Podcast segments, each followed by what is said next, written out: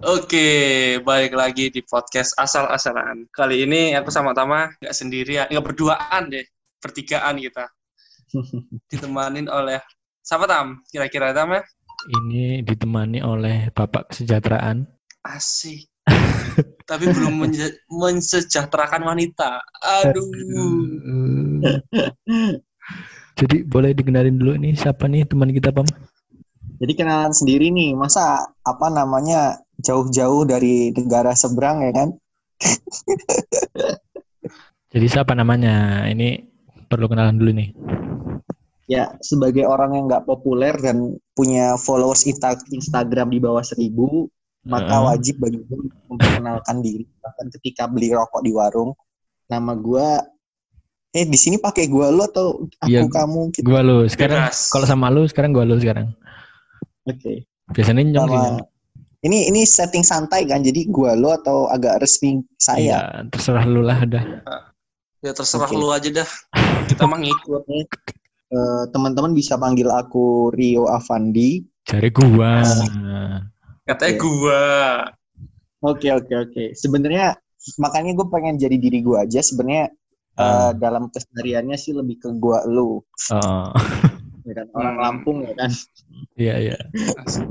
Eh, nama gue Rio Avandi. Eh, silakan boleh dicek sosmed gue di @rioavandi underscore. Ada Instagram dan Twitter lebih sering nongol di sana. Cuma itu aja. Jadi Mas Rio ini dari mana? Dari mana apanya? Asalnya. asalnya. Eh, saya lahir di Pringsewu ya. Eh, kalau dengar kata Pringsewu orang-orang biasanya langsung marahin ke oh ini rumah makan di jalan tol itu. Nah, Ah, bener bener. Bukan, bukan. Apa. Tam yang kira-kira bikin Rapper, orang rapper. sekarang tahu Pringsewu? Ra- rapper, ya? rapper terbaru itu. oh yang ini Aku cinta, cinta Pringsewu. Bu, salah nada nih. Gitu kan. Bukannya itu ini ya apa namanya CEO asal-asalan project ya yang itu Yo aku yang iku. nyanyi lagu itu. Mm-mm. Jadi ini di episode kali ini Mas Rio, Ya, kan Mas Rio ini dari orang kesejahteraan sosial nih. Sebenarnya mungkin gimana ya? Eh gua memang sekarang kuliah di Politeknik Kesejahteraan Sosial. Ah, tahun jadi, dulu satu tahun yang lalu namanya STKS ya Sekolah Tinggi Kesejahteraan Sosial. Ah, sekarang Nah, se- semua persoalan semua sekarang di ini ya ganti ya. Politeknik semua ya sekolah tinggi ya. sekolah tinggi yang di bawah apa sih? Naungan kementerian. Kementerian ya? Heeh, nah, Sem- semua diganti. hmm, diganti Politeknik. Nah, jadi sekarang namanya Politeknik Jadi politeknik apa? Kesejahteraan sosial gitu ya. Politeknik Kesejahteraan Sosial Poltek Kesos. Oh, Poltek Kesos, bukan Poltek Keos ya. Nah, lucunya di Bandung itu kan ada Poltek So- Poltek Pos ya. Nah, jadi Ya. suka kepleset saya namanya itu tuh Poltek Sos, Poltek Kesos. jadi di Poltek Nah. sos ini kerjaannya apa lo kuliahnya nih? Mensejahterakan semua Jadi mahasiswa apa ya? gimana gitu? Nah, Apa jadi Pak RT? erat kaitannya dengan Pak RT karena teman-teman yang kuliah di Politeknik Kesejahteraan Sosial itu kan Ah. di empat ya teman jadi kita memang eh, SKS-nya lebih banyak dihabiskan praktik di lapangan gitu ada tiga kali praktikum lapangan yang memakan waktu hampir tiga bulan setiap praktikumnya berarti ada tiga semester tuh praktik di lapangan Lapangannya gede berarti ya? Lapangannya Mm-mm. apa hubungannya sama lapangannya nih Mas Tam Jadi katanya menghabiskan waktu di banyak semester di lapangan terus. Lapangannya gede apa enggak? Lapangan. Ah, humornya boleh juga sih, boleh boleh boleh. Ini humor gaya-gaya daerah mana ini kayak gini? ini daerah dago mengdumur iki. Eh, Sa- Sari Sari apa? Sari Tem. Iya itu di Bandung sih memang kayak gitu sih. Itu sejahtera nggak sih kalau kayak gitu tuh orang-orang kayak gitu yang di saritem-saritem gitu ya? Maksudnya sejahtera Iya. atau enggak? Hmm. Kalau dibubarin nanti gitu. Yang per- yang perlu gue luruskan adalah sebenarnya eh, apa ya eh, disiplin ilmu yang gue pelajari ataupun apa yang gue tahu sih sebenarnya selama ini gue nggak belajar untuk ngejudgement itu ngejudgement orang itu udah sejahtera atau enggak ya tapi Hmm. memang kita Gimana? Eh, dididik ada beberapa untuk menganalisis bagaimana kondisi kesejahteraan sosial mereka. Nah, teman-teman di eh, Saritem ini kan termasuk ke dalam penyandang masalah kesejahteraan sosial ya. Mm-mm. Mm-mm. Nah, karena uh, mohon maaf wanita tuna susila Hmm. Kar dan itu memang kalau dalam disiplin lain masih debatable ya terkait lokalisasi harus lebih baik lokalisasi atau tidak sama sekali lokalisasi kan. Nah, Mm-mm. seperti itu. Tetapi dalam perspektif disiplin ilmu yang saya pelajari nih ya, semua Mm-mm. tahun gue sih em, WTS termasuk penyandang masalah kesejahteraan sosial yang mana itu diatur dalam Permensos nomor 8 tahun 2012. Asik. Nah, begitu. Hmm. Jadi dianggap oleh negara, oleh kacamata kesejahteraan sosial negara mereka mengalami masalah kesejahteraan sosial. Oleh karena itu nih, organisasi kesejahteraan sosial yang paling bertanggung jawab di Indonesia yaitu Kementerian Sosial melalui Dirjen Rehabilitasi Sosialnya memiliki unit pelaksana teknis eh, untuk rehabilitasi bagi teman apa teman-teman WTS Mm-mm. ya. yaitu rehabilitasi korban penyalahgunaan korban perdagangan orang. Nah, seperti itu. Korban trafficking dan korban perdagangan orang. Nah, artinya itu punya unit pelaksana teknis rehabilitasi korban perdagangan orang. Kalau nggak salah nomenklatur yang terbarunya itu karena sering ganti-ganti ya. Tapi kalau Hmm. teman-teman main ke Jakarta Timur di Pasar Bo itu ada BRS Watunas Jaya ya. Balai Rehabilitasi Sosial Watunas Jaya Wanita Tunas Sosial. itu Kemarin teman saya khusus buat buat kayak gitu ya. Heeh. Buat Jadi kayak gitu apa ya Mas Tama? Iya, maksudnya buat eh, WTS WTS itu direba- direhabilitasinya di Pasar Rebo itu kan. di sana. Dan itu eh, di Pasar Bo itu pusat sih termasuk pusat. Hmm. Nah, sebenarnya pandangan kita itu lebih kepada eh, pandangannya sih kalau yang menurut saya saya saya lihat pandangannya itu lebih kepada bahwa mereka itu adalah korban bukan bukan pelaku kriminal tetapi lebih kepada korban gitu. Korban perdagangan orang. Nah, yang kriminal adalah mucikarinya ataupun eh, Hmm. orang pihak-pihak lain gitu yang memaksa mereka untuk berbuat seperti itu. Jadi perspektif yang kita gunakan adalah perspektif korban. Oh. Terus kalau di Saritem gitu, ini Saritem ini ngomong-ngomong masih buka nggak sih? Kalau di Bulan puasa kan. di Bandung gitu. Enggak, walaupun nggak puasa juga Pak masih masih buka nggak sih? uh, terkait Sari itu masih buka atau enggak sih? Gue sih tidak terlalu aktif untuk mengunjungi tempat itu ya. Tapi ikut memantau Nah, menganalisis nggak sih? Memantau menganalisis juga enggak, cuman karena gue tinggal di Bandung untuk kuliah, ya gue denger-dengar sih ya, ya masih ada lah uh, daerah situ untuk hal seperti itu masih ya yang namanya kayak gitu masih ada aja begitu. Cuman beberapa program dari tahun ke tahun. Dulu zamannya Pak Dada Rosada dibikin pesantren di situ kan ada pesantren untuk eh, apa namanya meleburkan itu juga tetap masih ada aja.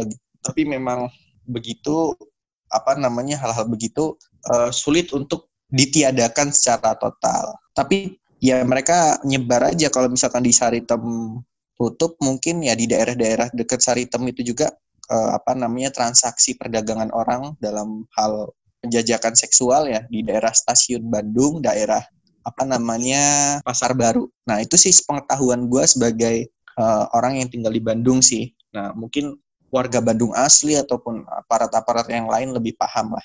Hmm, ya, ya, ya. Terus nih Mas, eh, kan di Bandung lagi PSBB tuh. Mungkin menurut pandangan perspektif kesejahteraan sosial gimana? Untuk yang kayak buruh harian, terus kayak yang bayangin aja sih kayak tukang parkir, terus eh, tukang somai keliling, kayak mana? Eh, jadi memang itu ya apa namanya eh, Bandung udah PSBB dari kapan ya? Udah cukup April. lama ya saya sampai nggak hari ya karena nggak Maret, Maret bukannya kampus. Maret bukannya? Kalau nggak salah itu puasa kurang lima hari itu PSBB itu Hmm. diterapkan di Bandung satu. Mm-mm. Artinya udah berjalan sekitar satu mingguan kalau tidak salah di sini yang saya rasakan. Nah nanti boleh dicek aja eh, datanya ya teman-teman ya karena kita nih ngomongnya nggak sambil lihat data. Nah eh, apa namanya terkait masalah bagaimana dampaknya ke masyarakat dalam pandangan kesejahteraan sosial sih eh, yang simpelnya aja saya bisa eh, beri gambaran kayak gini. Nah, memang yang selama ini terjadi di perdebatan di publik adalah pasti masalah ekonomi ya, yang paling Hmm, utama banget. dan ekonomi makro masalah apa namanya eh pendapatan yang berkurang orang-orang kan ekonomi turun berapa persen berapa persen kita akan susah. Dan ini yang ini yang apa namanya masyarakat yang terdampak terancam uh, kehilangan pekerjaan juga gitu kan nggak bisa menafkahi anak istri dan segala macam. Nah tapi dalam dalam apa namanya ya dalam bidang-bidang kesejahteraan sosial uh, melihat fenomena ini terutamanya kami ini bergerak di eh, hal-hal uh, yang berkaitan dengan bagaimana dampak dari wabah COVID-19 ini, kalaupun memang memiliki dampak negatif, kemudian menurunkan ekonomi, menurunkan pendapatan, bagaimana kemudian orang-orang yang dalam posisi rentan, ya, hmm. ataupun posisi lemah sekalipun tidak semakin jatuh uh, posisinya gitu, tidak tidak semakin ambruk. Nah, ini yang uh, dalam bahasa-bahasa formalnya kita sebut dengan JPS ya, JPS. jaring pengaman sosial. Nah, jaring pengaman sosial, bukan Genji Perfekseiha. Oh. nah, nah, itu salah satu. Nah, kebijakan jaring pengaman sosial yang kemudian ini juga Pak Presiden juga sudah uh, apa namanya menginstruksikan hal tersebut, kemudian diikuti oleh pemerintah provinsi dan seterusnya dan seterusnya. Memang terasa sekali di situ bahwasannya kebijakan tersebut adalah uh, kebijakan yang berbau bahwa apa ya yang menggambarkan uh, negara bahwa Indonesia ini sebagai bentuk negara kesejahteraan gitu. Welfare state gitu. bentuk negara kesejahteraan yang mana uh, dalam bentuk negara kesejahteraan pemikul utama tanggung jawab untuk mewujudkan keadilan sosial kesejahteraan umum dan sebesar-besarnya kemakmuran rakyat yaitu negara. Jadi ada intervensi negara, negara itu bertanggung jawab untuk memastikan itu ya di dalam negara kita tentu tercantum di konstitusi lah teman-teman udah pada tahu lah ya untuk mewujudkannya mm-hmm. gitu. Nah jaring pengaman sosial ini kalau nggak salah teman-teman boleh lebih cek lebih lengkapnya uh, yang udah dikeluarkan ini bentuk-bentuknya secara konkret itu ada uh, apa namanya selama ini kan udah ada program PKH ya yang dikenal yeah. conditional case transfer. Nah, nah jadi jaring pengaman sosial tadi untuk masyarakat yang terdampak yaitu misalnya nih gampangnya aja ada masyarakat rentan dan masyarakat yang lemah. Nah, yang lemah ini mungkin mereka yang uh, apa namanya yang uh, masuk secara teknis masuk ke dalam data terpadu kesejahteraan sosial yang dianggap fakir miskin ya jadi hmm. ada garis kemiskinan di bawah garis kemiskinan itulah. Nah, nah kemudian yang rentan ini sebenarnya mereka kalau lagi wabah COVID itu bisa mencukupi kebutuhan hidup sehari-hari, cukup lah hidupnya. Cuman karena ada wabah COVID, nah mereka itu nggak nggak bisa bertahan ketika ada wabah dan nah, jadi mereka disebut rentan. Nah, begitu. Nah untuk warga yang apa namanya, yang dalam posisi lemah, yang miskin tadi, yang termasuk ke dalam data terpadu kesejahteraan sosial, sebelum wabah COVID pun sudah dibantu oleh negara dalam bentuk conditional case transfer program dari Kementerian Sosial yaitu program keluarga harapan ya kan mm-hmm. uh, apa namanya terkait ada diberikan uang tunai dalam bentuk saldo di rekening ya jadi dibuatin rekening udah punya kartunya masing-masing begitu sesuai dengan komponen PKH jadi keluarga miskin yang punya komponen PKH PKH itu, itu keluarga pendamping nah. keluarga harapan kan? Program ya, keluarga harapan. Program bukan pendamping keluarga, harapan. harapan. Bukan. Program, Program ya? harapan. Memang ada petugasnya namanya pendamping PKH. Oh iya kayak kayak TK SK gitu kan? Nah, TKSK itu tenaga kesejahteraan sosial kecamatannya. Begitulah hmm. kuliah saya tentang hal kayak gitu. Nah, apa namanya? Saya coba menyampaikan ini dalam perbincangan yang simpel ataupun obrolan warung kopi lah ya kita yang ngobrolin ini ya, yeah. bukan obrolan kopsis lah kopsis operasi siswa hmm, berarti ya, ya kita lagi ngobrol di belakang warung aja gitu karena uh, kalau saya mencoba tawadu untuk membicarakan ini secara akademik uh, ataupun hal-hal ya, yang sukron. Mm, itu mungkin banyak orang yang lebih berkompeten dari saya nah begitu okay. nah itu tadi ya yang posisi lemah itu selama ini mereka pun orang yang sudah apa keluarga miskin yang memiliki komponen PKH intinya keluarga miskin selama ini pun sudah dibantu melalui yang punya komponen PKH yaitu punya lansia, punya anak sekolah, punya balita, punya ibu hamil, punya apa lagi ya? Uh, penyandang disabil ada penyandang disabilitas di dalam keluarganya itu selama ini juga udah dibantu dengan PKH. Nah, kemudian keluarga miskin uh, yang tidak memiliki komponen PKH itu dibantu dengan BPNT atau sembako. Oh sembako. iya iya iya. Nah, eh, yang yo. udah dapat PKH. Jadi kita coba kita bayangin ya, kita simulasikan dari paling bawah ya, dari paling bawah itu fakir miskin yang punya komponen PKH itu dapat conditional cash transfer, oke. Okay. Kemudian dapat juga sembako. Hmm. BPJS Terus? gratis. BPJS Ah. gratis. Nah, naik satu level ke atasnya.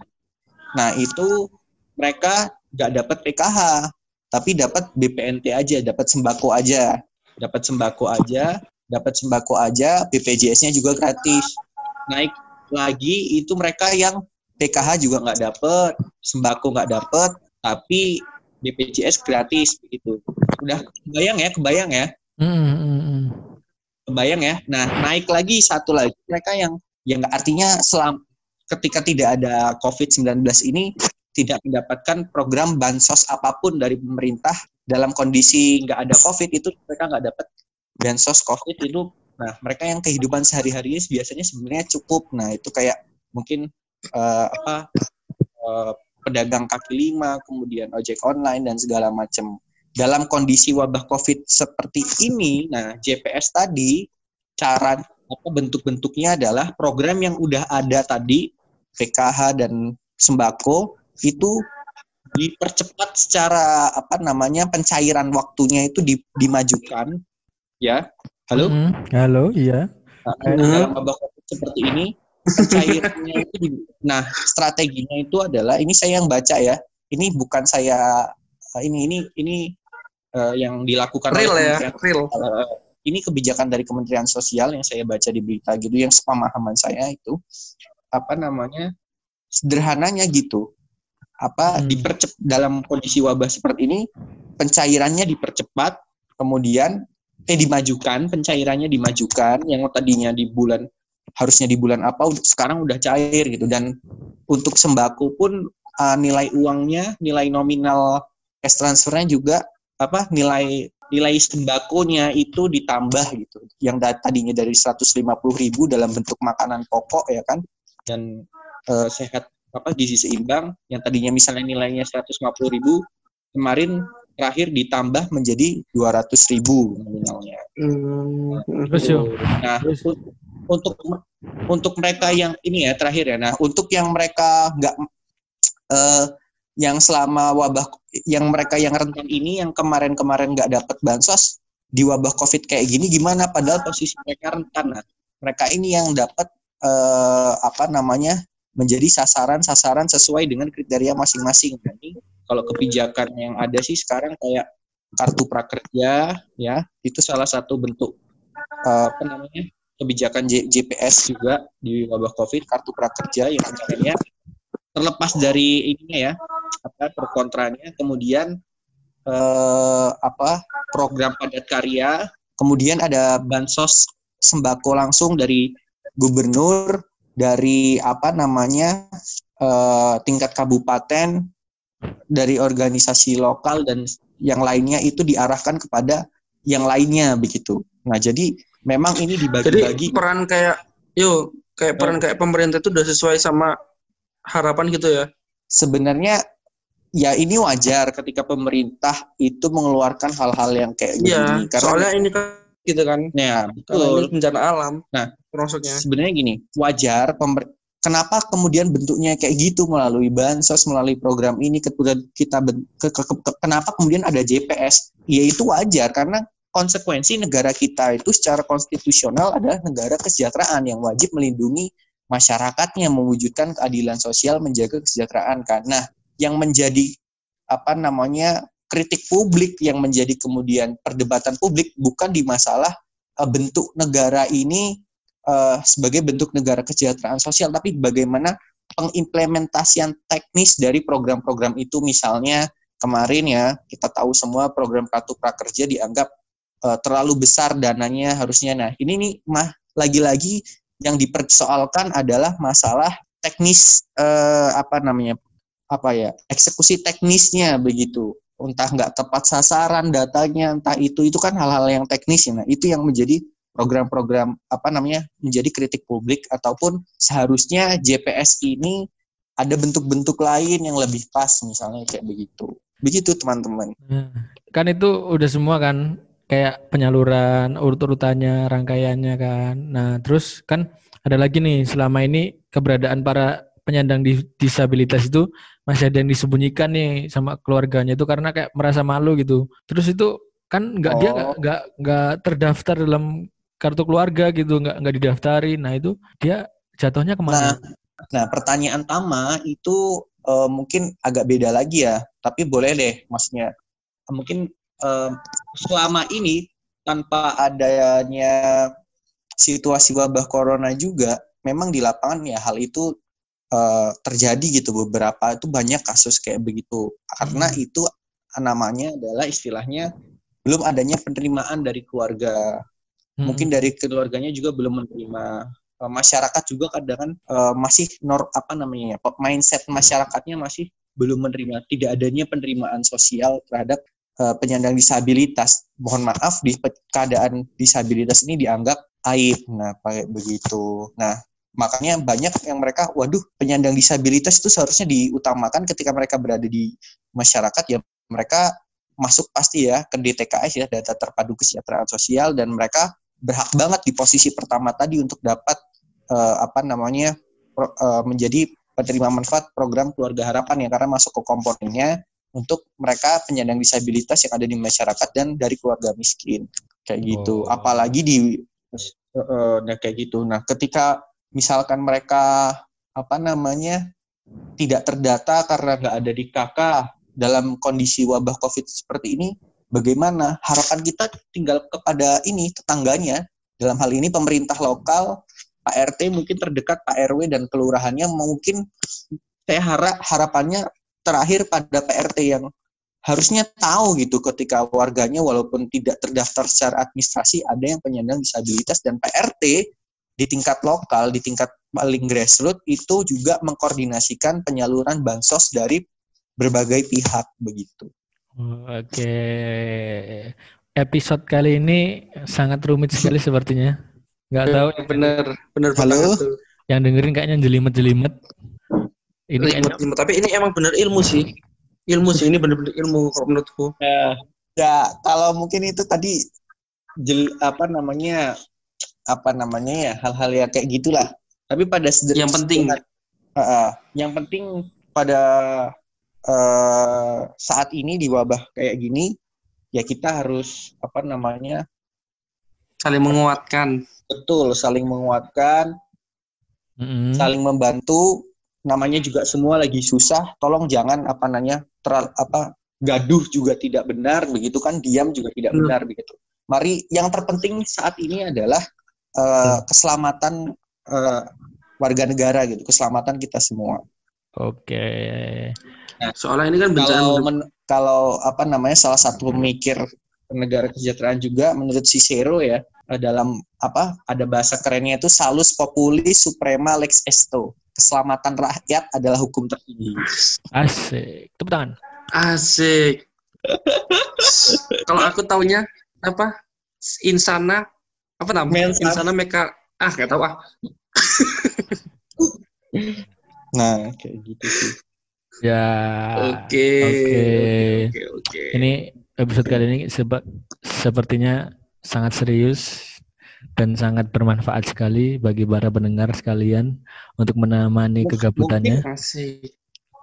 Sebenarnya lebih cocoknya mungkin kalau di podcast asal-asalan ini kita bahas eh, apa namanya hal-hal unik di setting-setting kesos gitu. Jadi kita ngomongin kayak apa namanya komunitas adat terpencil, kita ngomongin apa Oh, bener. nanti nanti bisa ya. adat, eh, masuk Bisa kan ya, itu bisa ya, mungkin nanti ya. episode selanjutnya enggak selanjutnya. kemudian ngomongin LGBT, ngomongin perdagangan orang.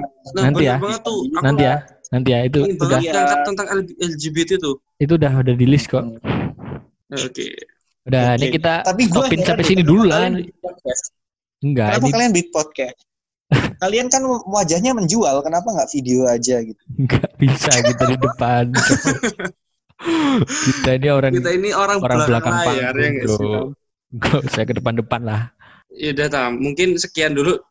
Terima kasih untuk Mas Rio atas wejangannya atau eh, ilmunya lah, Oke. ya nggak? Oke. Oke, Oke, bungkus, terima kasih bungkus, pokoknya. bungkus, bungkus. Oh, Bungkus, bungkus.